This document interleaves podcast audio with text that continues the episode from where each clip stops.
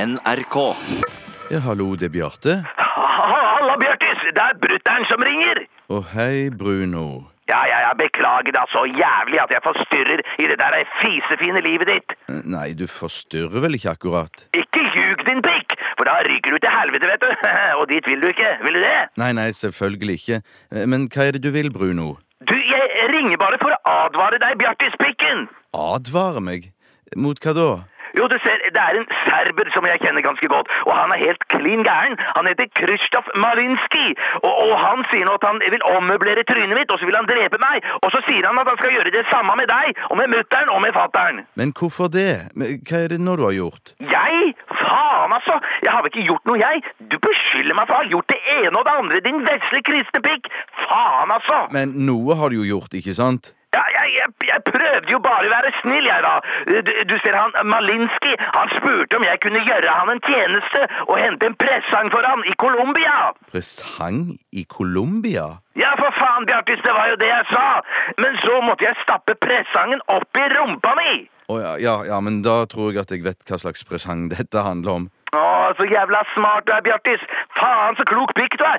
D- Tror du ikke jeg var skeptisk sjæl, da? Ja, jeg vil jo ikke ha hva som helst oppi rumpa mi, jeg. Men denne presangen vil du altså ha oppi rumpa di? Ja, men jeg hadde jo ikke noe valg. Ja, var det godt for deg?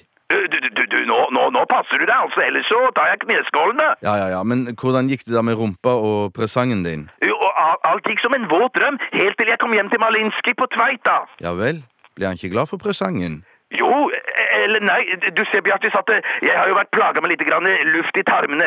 Eh, Så da jeg trakk ned buksa og bøyde meg ned for å levere presangen til Malinski, så fjerta jeg en jævel så presangen den for som en rakett ut av ræva og eksploderte i trynet på Malinski. Ikke le, din pikk!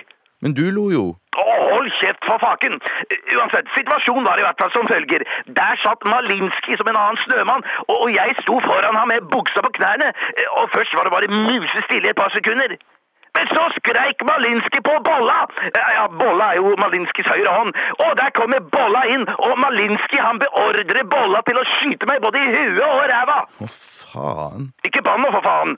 Eh, Men du, du og så, så klikker da gønneren til bolla, og så klikker Malinski. Med bare nevene så river han huet av bolla, så blodet det spruter, vet du! Ja, døde han? Nei, nei, han skrudde bare huet på igjen og lever herrens glade dager på Hawaii. Selvfølgelig så daua han, din dumme pikk!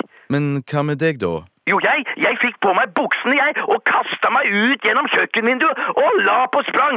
Og nå, og nå ligger jeg i skjul hjemme hos rotta, da.